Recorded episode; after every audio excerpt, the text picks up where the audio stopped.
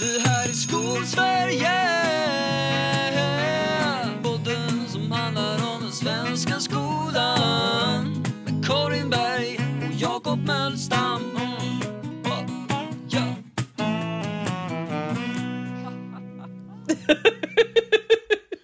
Karin, det är fredag eftermiddag. Det är den 11 mars 2022. Det känns som att pandemin inte längre finns. Jag tror inte den finns eh, i fem form av en pandemi. Det känns som att det är någon sorts sjukdom som går lite då och då. Man möter på folk som har det, men det är liksom inte mer än så. Eh, men Nej. samtidigt är det också dag vadå, 16, 15, 16 eh, av krig i Europa och det ser väl inte ut att ta slut någonstans i närtid. Och där någonstans är vi pratar skola och utbildning och så. Det känns som att Ja. det är jag har hela tiden tänkt att här, det kommer vara folk som flyr från Ukraina. Nu i veckan var det en miljon under 18 som hade lämnat Ukraina vid det laget. Alltså barn, om vi ska vara så. Barn och unga i alla fall. Eh, och jag tänker någonstans att okej, men då tar de lite styreuppehåll, försvinner iväg till något grannland ett tag och så kommer de tillbaka och så är det liksom så. Typ. Men det låter väl som att det mer och mer kanske inte blir så. Och att vi behöver någonstans tänka att det kommer en tid och en plats när man helt plötsligt har fler elever i sitt klassrum liksom. Nej men gode gud, ja. Det är väl så, så det måste se ut. Och jag menar, nu är det vadå 16 dagar in på ett krig, men det är ju inte så att man känner att eh, om, man, om man lyssnar på den, på den ryska sidan och den ryska världsbilden så känns det ju inte som att den kommer att förändras inom det närmsta. Alltså, jag förstår liksom inte riktigt. Det finns de som säger att vi kommer att liksom frysa ut Putin med hjälp av att låsa hans tillgångar och så vidare. Eh, eller de här oligarkerna eller vad man säger. Jag kan inte uttala det ordet. Men eh, alltså de här rika människorna i Ryssland, att de ska bli sura på Putin på något sätt och att det blir någon slags intern revolution. Men jag vet inte, jag känner, det känns inte som att det är i antågande den här veckan i alla fall. Och ju längre tiden går, desto mer Eh, alltså desto fler människor som flyr, desto fler... Det kommer ju ta tid innan de här människorna är tillbaka i sina hemländer och i sina skolor. Det, så, så är det ju verkligen. Det känns någonstans som att strategin har formats till att, eller omformats till att bli att sikta på civila och att liksom försöka skapa så mycket civil sk- skada som möjligt och i det naturligtvis så är det ju en realitet att fler och fler skolor inte kommer finnas kvar. Så. Vi får se vad som händer med det. Det är inte så mycket att fundera över. Men jag tänker någonstans att man behöver liksom... Eh, nej men jag tänker att man får möta det igen, det handlar om elever. Eh, möta dem där Ja. de är. Eh, så. Jag menar, de här diskussionerna dyker upp här också. Det finns elever som liksom får nyheter från föräldrar och släktingar som eh, läser ryska nyheter och som tycker att allting i väst är bara skit. De fattar inte. och så finns det liksom elever och föräldrar som har andra ingångsvinklar och så liksom möter man de eleverna tillsammans så, samtidigt. Och det är så, det är så Ja, svårt men- att världen är uppkopplad på det sättet. Jag satt i måndags morse hade jag eh, lugn start med ett gäng elever. De, de, de glider in, sätter sig och gör lite olika uppgifter de behöver göra. Så är det en som spelar Mm. schack genom en app på sin iPad. Och då finns det en ganska schysst funktion där man kan spela med liksom random människor på internet. Du får bara veta deras nationalitet, deras namn och så kan man chatta lite så. Eh, och oftast blir det bara så här bra, eh, good game, kul, liksom så, så kör man typ. Men nu var det en elev som connectade med en ryss och direkt började liksom diskutera typ. Och man bara, mm, tack, det var nödvändigt. Det var den starten på veckan vi behövde. Men då får man ju prata om det och diskutera liksom, dels liksom varför det kan vara provocerande att direkt när du hittar en person som är från Ryssland så här, anta att den personen vill diskutera krig. Eller att den personen vet någonting om det. liksom givet det, det medieklimatet som finns. Eller att det liksom är, är en fruktsam konversation att ha i en chattapp som typ knappt är gjord för att diskutera saker i överhuvudtaget. Så. Ja, och samtidigt just den här bilden av ehm, att, att man tänker väldigt olika. Jag, jag, eh, det är lite farligt att man behöver liksom ha någon slags skavig och rota i. Vad är, vad är sanningen? Och att liksom titta på, är det en åsikt jag läser nu eller är det en riktig nyhet och sådär. Just det. Ja, det är väl svårt såklart för det är också en sak att balansera. Så. Och att det, man förenklar världen för att göra den begriplig och det, i det ligger liksom fördomar eller generaliseringar eller så. Och just att man själv kan ha vissa typer av, liksom man drar slutsatser och man blir liksom, man går. Ibland så är det ju liksom skönt när någonting bekräftar ens världsbild och så går man igång på det och så bestämmer man sig för att det är så. Eh, man måste alltid läsa nyheter så att det skaver lite tänker jag. Skitsamma, vi ska inte komma in på det. Det är ingen utrikessport. Vi ska landa i skolan. ja, eh, får ja. se om vi klippte bort typ hälften eller mer av det här samtalet. Eh, så. Men ändå, man behöver landa in, man behöver checka in. Det är så. Och vi hänger upp i det sammanhanget. Och jag tänker att på samma sätt som att du och jag behöver göra det nu så tror jag att elever behöver göra det med. Mm. Någonstans för att ha det bra liksom. Men du, hur är läget annars? Jo, nej men det är väl, det är väl vad det är. Eh, haft liksom, eh, vi har haft studiedag den här veckan. Eh, ja, det är ju alltid lite störigt och lite bra. eh, men men det, det, det skapar väl så här funderingar. Eh, Kring hur man jobbar med utvecklingsarbete, organisation av en stor skola. Eh, det tycker jag är spännande. Men eh, det som har slagit mig den här veckan är ju att jag, när jag började arbeta på min arbetsplats eh, 2007 kanske, eh, så eh, var jag ju den unga läraren med lite galna idéer som liksom var med ibland. Eh, och nu när jag jobbar på samma skola, eh, så, och då när jag blev, liksom, sen blev jag ju så här förstelärare, men jag var fortfarande den unga försteläraren som jobbade ihop med lite äldre, kloka människor som styrde upp mig lite, om du förstår vad jag menar. Eh, så. Och nu den här veckan så har vi jobbat med utvecklingsarbete och eh, Eh, eller ja, det har blivit nöd, det aktual, aktualiserats att vi liksom ska se hur vi ska jobba med vårt systematiska kvalitetsarbete men också med olika utvecklingsprocesser på skolan och lite sådär. Och då har jag hamnat och samarbeta med en av våra nya förstelärare som är väldigt ung och jag då intar rollen av den erfarne och rutinerade. Eh, så spännande hur tiden liksom har vänt så att jag är en helt annan person än den jag egentligen identifierar mig med. Det har jag... Studenterna blivit mästaren någonstans. Ja men lite alltså den där, ja precis den här unga eh, nya läraren är numera den som ska liksom vara den kloka och samlade. Och jag inser att jag kommer att behöva lajva mycket mera mina sådana förebilder i mitt liv än att vara den jag har varit. Det har inte riktigt följt med i den här processen har jag känt den här veckan. Att jag är fortfarande lite den där rebellen och inser att det inte är riktigt klädsamt med tanke på vilken roll jag har idag. Eh, Det är dags att växa upp lite nu. eh, ja, 47 år gammal. Nej, det är jag inte riktigt än, men nästan. Eh, och jag behöver växa upp. Jag förstår Ja. det. Jag förstår det. Jag tror att jag eh, på det temat har varit lite så här kombinationen. Jo, men jag har varit naturligtvis en unga också i många, många år.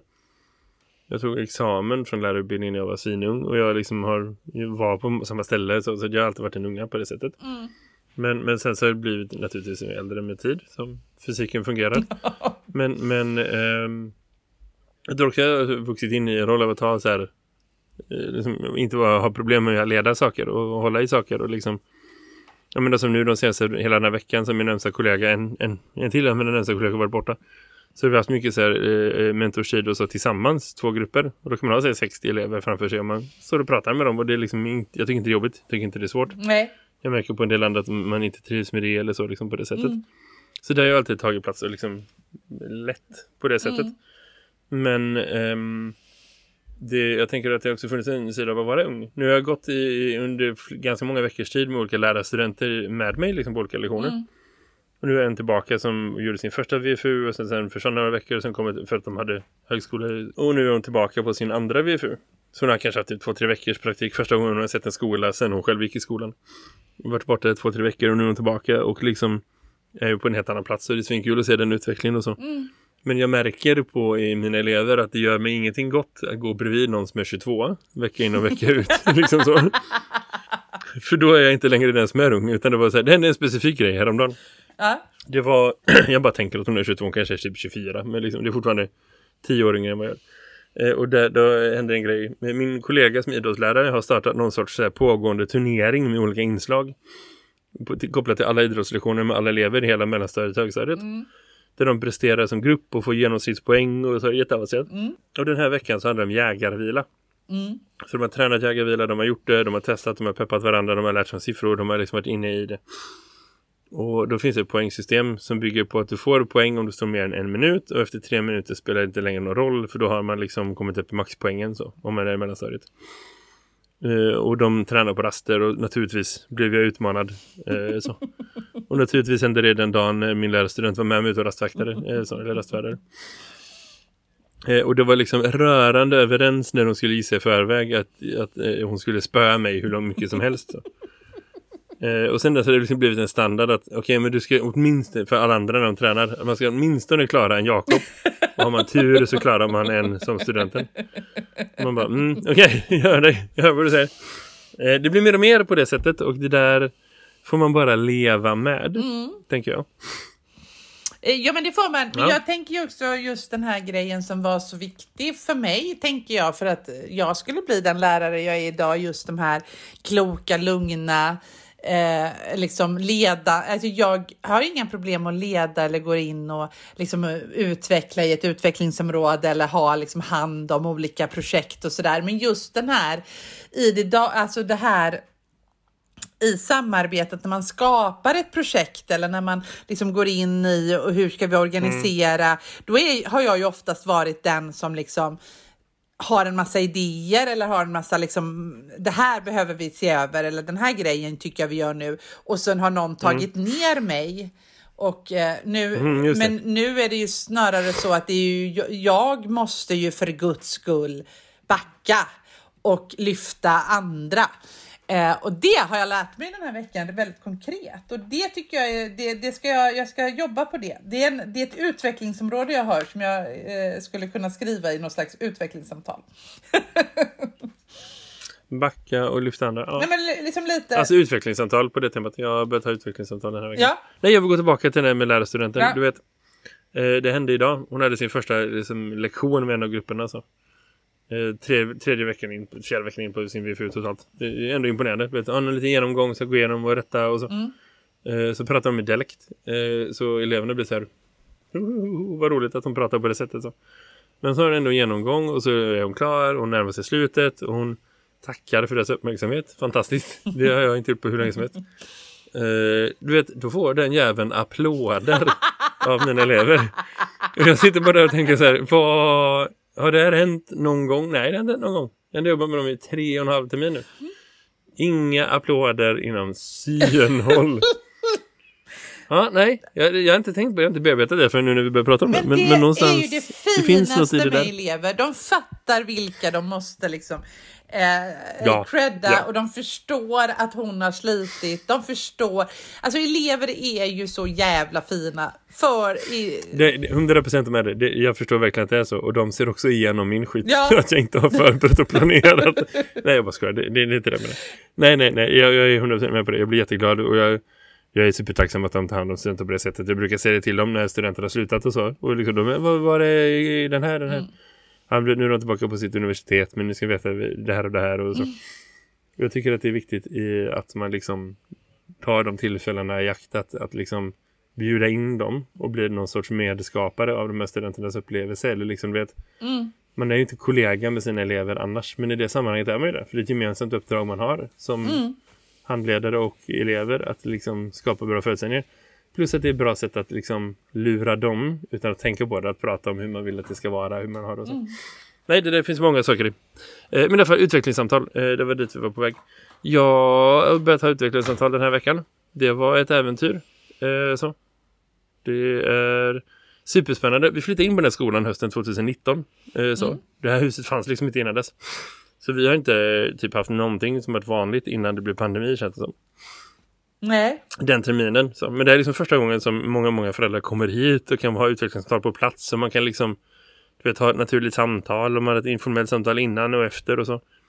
Super, super spännande. Att inte behöva ha det via liksom Meet. Och det är, så många människor som man aldrig har träffat.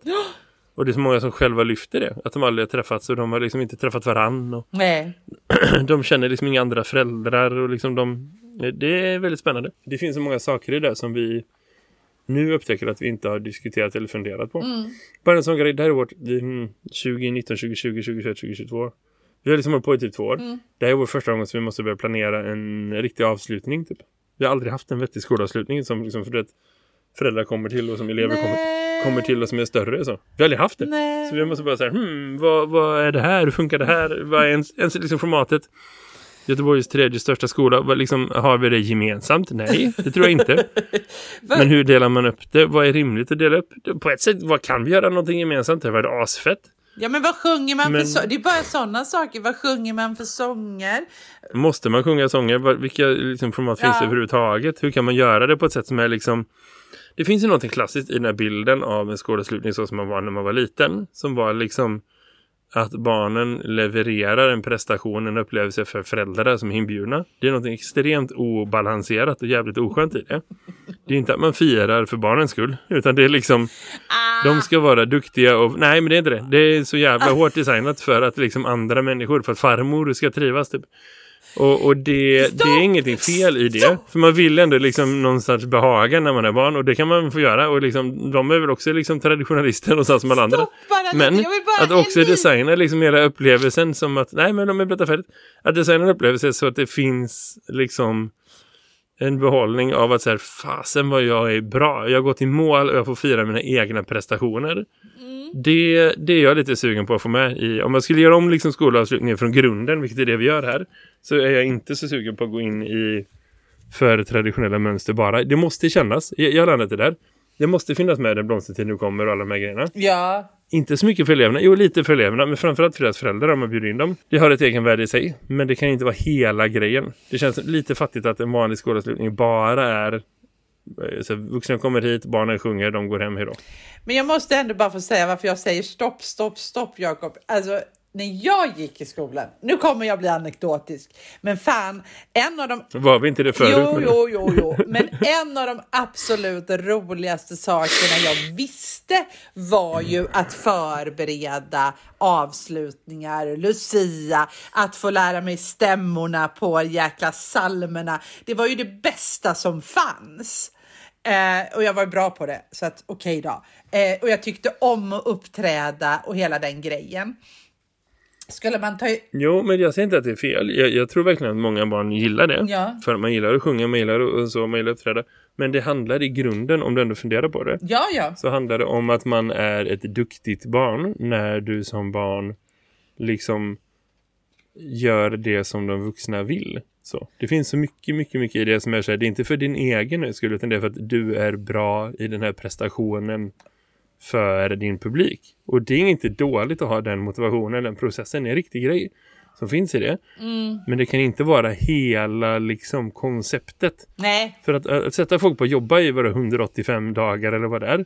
Och nu ska vi fira det med en avslutning. Och det handlar hela tiden om att du ska jobba två timmar till för någon annan. Ingen annan människa har accepterat det på det sättet. Det är lite som att du vet så här, men om du är liksom personal på... Ja, men, men, om, men berätta, om du jobbar typ på en restaurang, vi säger att du jobbar på Hard Rock exempel. Så. Och så liksom ska vi fira att vi har gjort ett jävla bra år, så vi ska julbord, men alla ni får jobba på julbordet. Va? Vad fan är det här? Det är liksom, det är så här, nej, det kan jag att göra. Någon annan jävel får göra det här, för jag är här för att fira att jag har gjort ett bra jobb. Okej, Det hade liksom, man hade aldrig accepterat det. nej. Men, men så, och där tänker jag någonstans att så här, det, vi har tur i liksom hela Sveriges skolavslutningstradition vilar på att vi har tur att inte ungarna förstår det här. För att annars hade vi varit kokta. Det i sig är liksom skäl för en revolution om du förstår vad jag menar. Ja, men, men, men ja, ja, okej, jag förstår.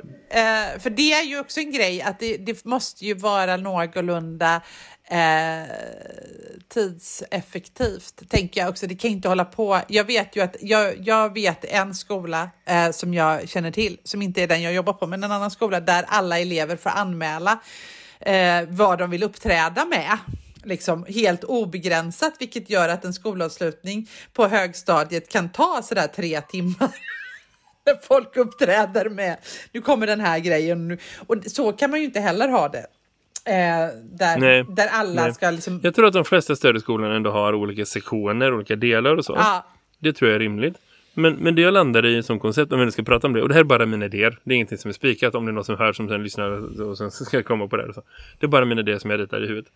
Men vi, jag tänker så här, och också när jag pratar med. Så här, det var nice att ha någon sorts liksom, du vet så här, festival, karneval, mötesplats, liksom du vet, uppe på skolgården med massa olika aktiviteter. Man kan gå hit och göra det här, hit och göra det här och så. Mm. Som är liksom olika intressen, där man kan få liksom engageras barn och föräldrar tillsammans på olika sätt. Du vet, några som spelar fotboll, några som kör, spelar det här spelet, några som gör det här. Man kan liksom, man kan sjunga och dansa och så tillsammans som man känner för det, men man kan också göra olika saker. Vi har en utescen, man hade kunnat engagera kulturskolan som ändå är här och tränar med våra elever efter skoltid. Mm. Att höra liksom redovisningar eller liksom uppspelningar och presentationer och konserter och så. Mm. Man skulle kunna engagera de eleverna som vill att skapa någon sorts avslutningskör. Att liksom delta i det med fasta tider så att föräldrar vet att de här tiderna är det här och det här. Mm. Men att det också finns någon sorts, någon sorts drop-in-funktion. Där liksom elever får vara med och planera olika aktiviteter som finns. Man kanske håller i någon liten aktivitet, någon, någon, vad det kan vara så. Eh, och att man liksom eh, fixar det. Och att man, man har ett system så att liksom en del av tiden så står du och håller i det, en del av det så, står du, så liksom hänger du med dina föräldrar och går runt och upplever den grejen. Mm. Och sen så bara liksom, kör man undan alltihopa och så går man hem. Och sen nästa dag så har man liksom sista dagen i skolan och då kan man liksom bara komma hit och röja och liksom plocka ihop och säga hej då och liksom få betyg och allt vad det är. Och att den biten är liksom det formella. Eh, men att man liksom kör en fest kvällen innan typ. Som är liksom bredd i intressen, bredd i aktiviteter. Det finns centrala saker uppstyrda. Mm. Men att det också kan vara så här, man kommer förbi och häng typ.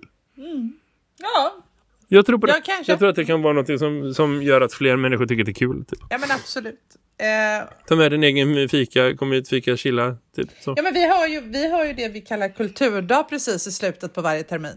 Där man då får visa upp vad man har gjort under året och så får man visa för föräldrar och man får visa liksom eh, alltså, men också delta i olika aktiviteter. Man kan få delta i workshops liksom eh, beroende på eh, vilket program man går på så kan man hälsa på andra program på saker som de gör eller och intressen styrt och eh, liksom teater, olika liksom, intresseorganisationer kommer och hälsar på och så vidare. Det är ju skolans festdag, men det har vi ju inte sett som någon slags eh, avslutning. Men, men sen är ju jag på en skola som är sådär år, um, den är ju liksom från förra sekelskiftet liksom. Eh, så att eh, den har ju anor om man säger och det är den blomstertid och det är kyrkorgel och det är hej och hå. Vi har ju till och med en orgel i våran aula vet du. Ja, det är fint. Det, vi har ingen aula. Så jag hör vad du säger. Eh, Det är olika konstellationer. Eller hur? Eller hur? Eh, och vi, Japp, det om avslutningar. Det, Det- börjar ändå närma sig. Det är närmare vad man tror. Eller hur? Det, det är väldigt, väldigt nära. Eh, eller så. Så det, det är ju ändå en, en eh, sak som man behöver tänka på. Eh, helt klart. Fråga, Jakob. Jag har funderat på en helt annan sak från det ena till det andra till det fjärde. Och det, det handlar ju om vi lever ju i oroliga tider. Man ska vara förberedd. Jag har köpt mig en vattendunk och en vevradio som går på solceller och allt vad det är. Eh, för att jag måste vara förberedd för om saker skulle hända. Eh, Japp. Jag uppdaterar mitt gasolkök med mer gasol. Jag skaffar en ny yxa. Sådana grejer som jag har gjort. ja, eh, jag, jag hörde, ja men precis. Eh, nej men lite sådär man börjar fundera på, har jag, eh, liksom, har jag mat så att det räcker en vecka och sådär. Eh, det, det är ju liksom, ligger ju i det sorgliga i tiden liksom på något sätt. Eh, men, eh, och det är ju en sak, men samtidigt så funderar jag på det här med vår organisation runt skola. För att det sa ju du för några avsnitt sen att, att liksom det första som händer, alltså i, det här, i den här ostadiga världen så kommer ju liksom, så påverkas ju vi av, eh, alltså så blir det ju olika, olika typer av attacker och avbrott som skulle kunna hända runt skolan. Ja, men, sk- och skulle det bli krig här i Sverige så skulle skolan stänga och vad skulle vi göra då? Och skulle det bli distansundervisning? Jag läste någonstans att det har man i Ukraina och så vidare. Eh, men samtidigt så tänker jag också på att det finns ju en väldigt potentiell och ökad risk att till exempel Google som vi använder som, som, som verktyg slås ut på grund av olika cyberattacker som någon slags krigsföring. Mm. Och då står vi ju där utan det verktyget. Uh, och då funderar jag på din skola där du jobbar, ni är ändå supertekniska. Har ni någon plan för vad ni gör om ni inte kan använda Google Classroom på en dag eller en vecka? Jag skulle inte säga att vi är supertekniska för det första. Men, men eh, jag tror att det är en gemensam grej att man inte har utvecklat sådana planer så himla mycket som man tror. Att vi har gjort oss beroende av att saker bara fungerar. Så är ju liksom hela internet någonstans. Att vi bara är beroende av att det är som det är. Mm. Och att det, det flyter på. Det har gått väldigt snabbt från att vara någonting helt nytt till att vara absolut liksom grundläggande för att kunna operera liksom, i vad man än gör och så. Mm. Livet överhuvudtaget liksom på det sättet. Jag, jag, jag skojar lite förut så här, ja, men jag, jag har liksom skaffat en ny yxa och jag har liksom uppdaterat med gasol och så. Men jag har också köpt så jävla många powerbanks för att jag behöver ström. Liksom, är med? Det, det är helt galet. Mm. Det är bara för att leva som vanligt. Typ. Det är helt det är sjukt att tänka liksom. Mm. Så jag tror någonstans att här, jag tror det är samma sak när det kommer till de plattformarna vi använder, de digitala verktygen vi använder, oavsett vilka titlar och rubriker man har. Mm. Att det är liksom, vi har blivit väldigt snabbt väldigt beroende av dem. Mm. Och jag tror inte att det är något farligt. Jag tror att det är naturligt att det är på det sättet. Men jag tror också att man måste ha en plan för vad som händer. Vi såg ju bara i höstas hur det gick ner när Facebook och Instagram och Whatsapp var nere i 6, 7, 8 timmar. Liksom vad det gör för nätverk någonstans. Jag menar, det var så jag fick mina kollegor att byta våran meddelandetjänst för liksom över på jobbet bara när vi når varandra här. Mm. Till en, en, en mindre och mer oberoende plattform och det har bara varit fördelar någonstans. Och jag tror att vi behöver tänka eh, att vi behöver hjälpa, hjälpas åt att planera för sånt här också. Jag tror inte att det skulle vara så svårt att göra det. Vi har inte exakt så här, vi gör det här, vi gör det här, vi gör det här, vi gör det här. Den här personen kommunicerar ut så här eller vi gör övningar och så. Dels för att jag tror att det ligger, det är så pass ovanligt att det händer, men också för att i skolans natur ligger det att med det tempot vi har och den resursfördelningen vi har och de liksom möjligheterna vi har så löser vi bara sånt som är precis framför oss och som är realitet just nu. Mm. Det var ingen människa som pratade om pandemiplaner för en tidigt mars 2020, eller hur? 17 liksom mars på väldigt många håll när skolan faktiskt stängde. Det är det jag menar. Det är det jag menar. Det var liksom ingen som pratade om det en månad innan. Nej. För att vi, vi, vi, vi har inte sådana framförhållningar. Och det hade varit bra kanske om vi som organisation hade det. Men det är vi inte liksom så. Så det är lite samma sak här också. Men jag tror absolut att vi skulle kunna lösa det. Om man ska bli konkret. Om, om vi ser att Google skulle, alla Google-tjänster skulle ligga nere. Jag tror att i många skolor runt omkring i Sverige och i världen så skulle det första problemet vara att vi har Google-datorer mm. i form av Chromebooks som liksom är det hårdvaran i sig är beroende av det. De går att använda i offline-lägen på olika sätt men det är liksom många tjänster som lamslås så. Mm.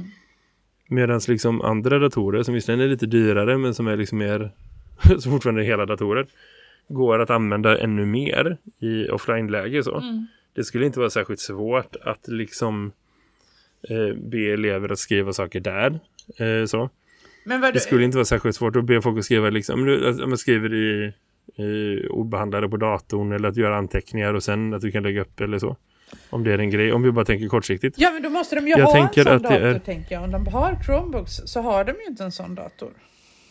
Nej, vi har inga Chromebooks. Men jag förstår vad du menar. Mm. Men, men om man hade haft det så hade det varit liksom eh, inte att den möjligheten finns. Så. Mm. Men det finns ju ändå som ett alternativ om man har en, en riktig dator. Så. Och det tror jag ändå att ganska många fortfarande har. Eller att man har tillgång till en iPad eller vad det kan vara. Men I liksom, som funkar i offline-läge. Mm. Ja, nej men precis. Eller i, i skolmiljön. Så. Mm. Eller att man har möjlighet att liksom... Jag tänker från vissa, en viss ålder så tänker jag att elever har med sig sina mobiler och är så pass liksom behändiga i det.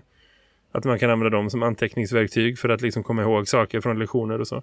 Annars tänker jag att det är papper och penna som gäller. Och det tror inte jag är någonting dåligt. För jag menar, vi vet ändå variation, liksom, vad betydelsen av variation för undervisning och lärande. Att det borde vara ett stående inslag i undervisningen då. Mm. För att liksom variera sig mellan allt annat man gör. Mm. Och då tänker jag att det blir liksom lite mer av det om vi tänker kortsiktigt om vi tänker att det skulle slås ut och att de känslorna inte kommer tillbaka. Så om vi, om vi utgår från det. Så tror jag att lösningen ligger i, i marknaden lär ju fungera så att aha, här är någon annan som känner, ser en möjlighet att tjäna pengar. Och så utvecklas liksom något litet sketet eh, svenskt teknikföretag som knappt vet vad de håller på med som utvecklar en sorts anteckningsfunktion i sina tjänster typ. Ja, Ja, men så här, man kan skriva och lämna in arbeten i loops. Då är det det de skulle göra. är de här? Och det är så här, jag är inte säker på att det är en plattform som någon i Sverige behöver. Men liksom det är. går. Det är en sån här eh, lek... Det är någon, ja men det är i, i före detta Lean, numera Foxways alternativ, där de liksom jobbar med ett lär, eller de har ju knoppat av det, men det kom därifrån från början i alla fall. Det är ett läromedel som de bygger lärvägar, man kan lägga material och resurser, supereffektivt, jättevisuellt, så så här, gör det här, sen det här, sen det här, sen det här. Mm. Men det finns en, en funktion som jag aldrig förstått mig på, nämligen att man kan skriva och lämna in arbeten i det. Mm. Vilket är så här, ja, eller så använder vi Google där allting annat finns.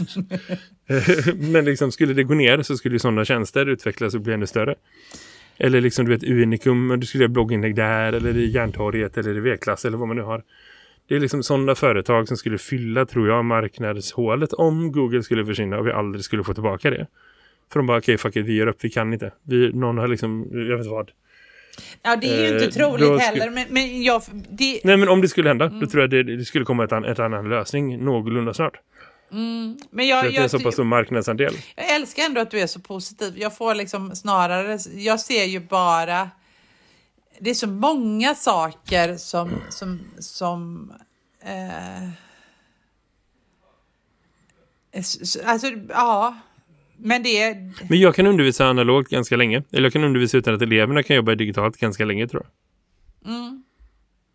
Ja, och det kan jag kanske också. Det är väl mer alla de här kontakterna man har, alla de här grejerna man skickar ut, alla de här eh, liksom ändringarna. Men då får man sluta skicka ut. Ja, Det är ju det som är ja men det, det, det är ju det. Men det skulle vara skönt om en sån situation att man inte blir helt jävla lamslagen. Jag tror att vi gör varandra lite gott om vi faktiskt tänker om vi vare sig kan mejla eller liksom skicka ut grejer och skicka meddelanden via våra verktyg. Vad gör vi då? Att vi har någon form av att vi behöver uppdatera våra telefonlistor, elever som byter telefonnummer. Vi behöver eh, ha liksom och ha dem kanske i en perm. Att vi behöver ha liksom e ja, lite sådana liksom adresser i en perm. Det har jag inte haft på hundra miljoner år. Jag inser att jag behöver skaffa mig det. Jag inser att jag behöver liksom lite aktualisera telefonboken igen. Um, så att um, för telefonen tänker jag inte gå ner lika fort som IT-lösningar och sådär. Eh, men också då, Det är spännande att fundera på ja, hur det skulle vara. ja, Och, och, och vilken omfattning det skulle innebära liksom någonstans. Men någonstans tänker jag i grunden också. Man måste fundera på så här. Med den strukturen vi har och den relationen vi har till liksom elever och föräldrar och vårdnadshavare. Visst, okej, det är olika åldrar och så. Mm. Men någonstans tänker jag så här. En stor del av skolsystemet måste vi fundera på så här. Skulle vi ens kunna ha eh, Skulle vi ens kunna ha öppet skola liksom? Om vi inte kan få tag på elevers föräldrar under dagen.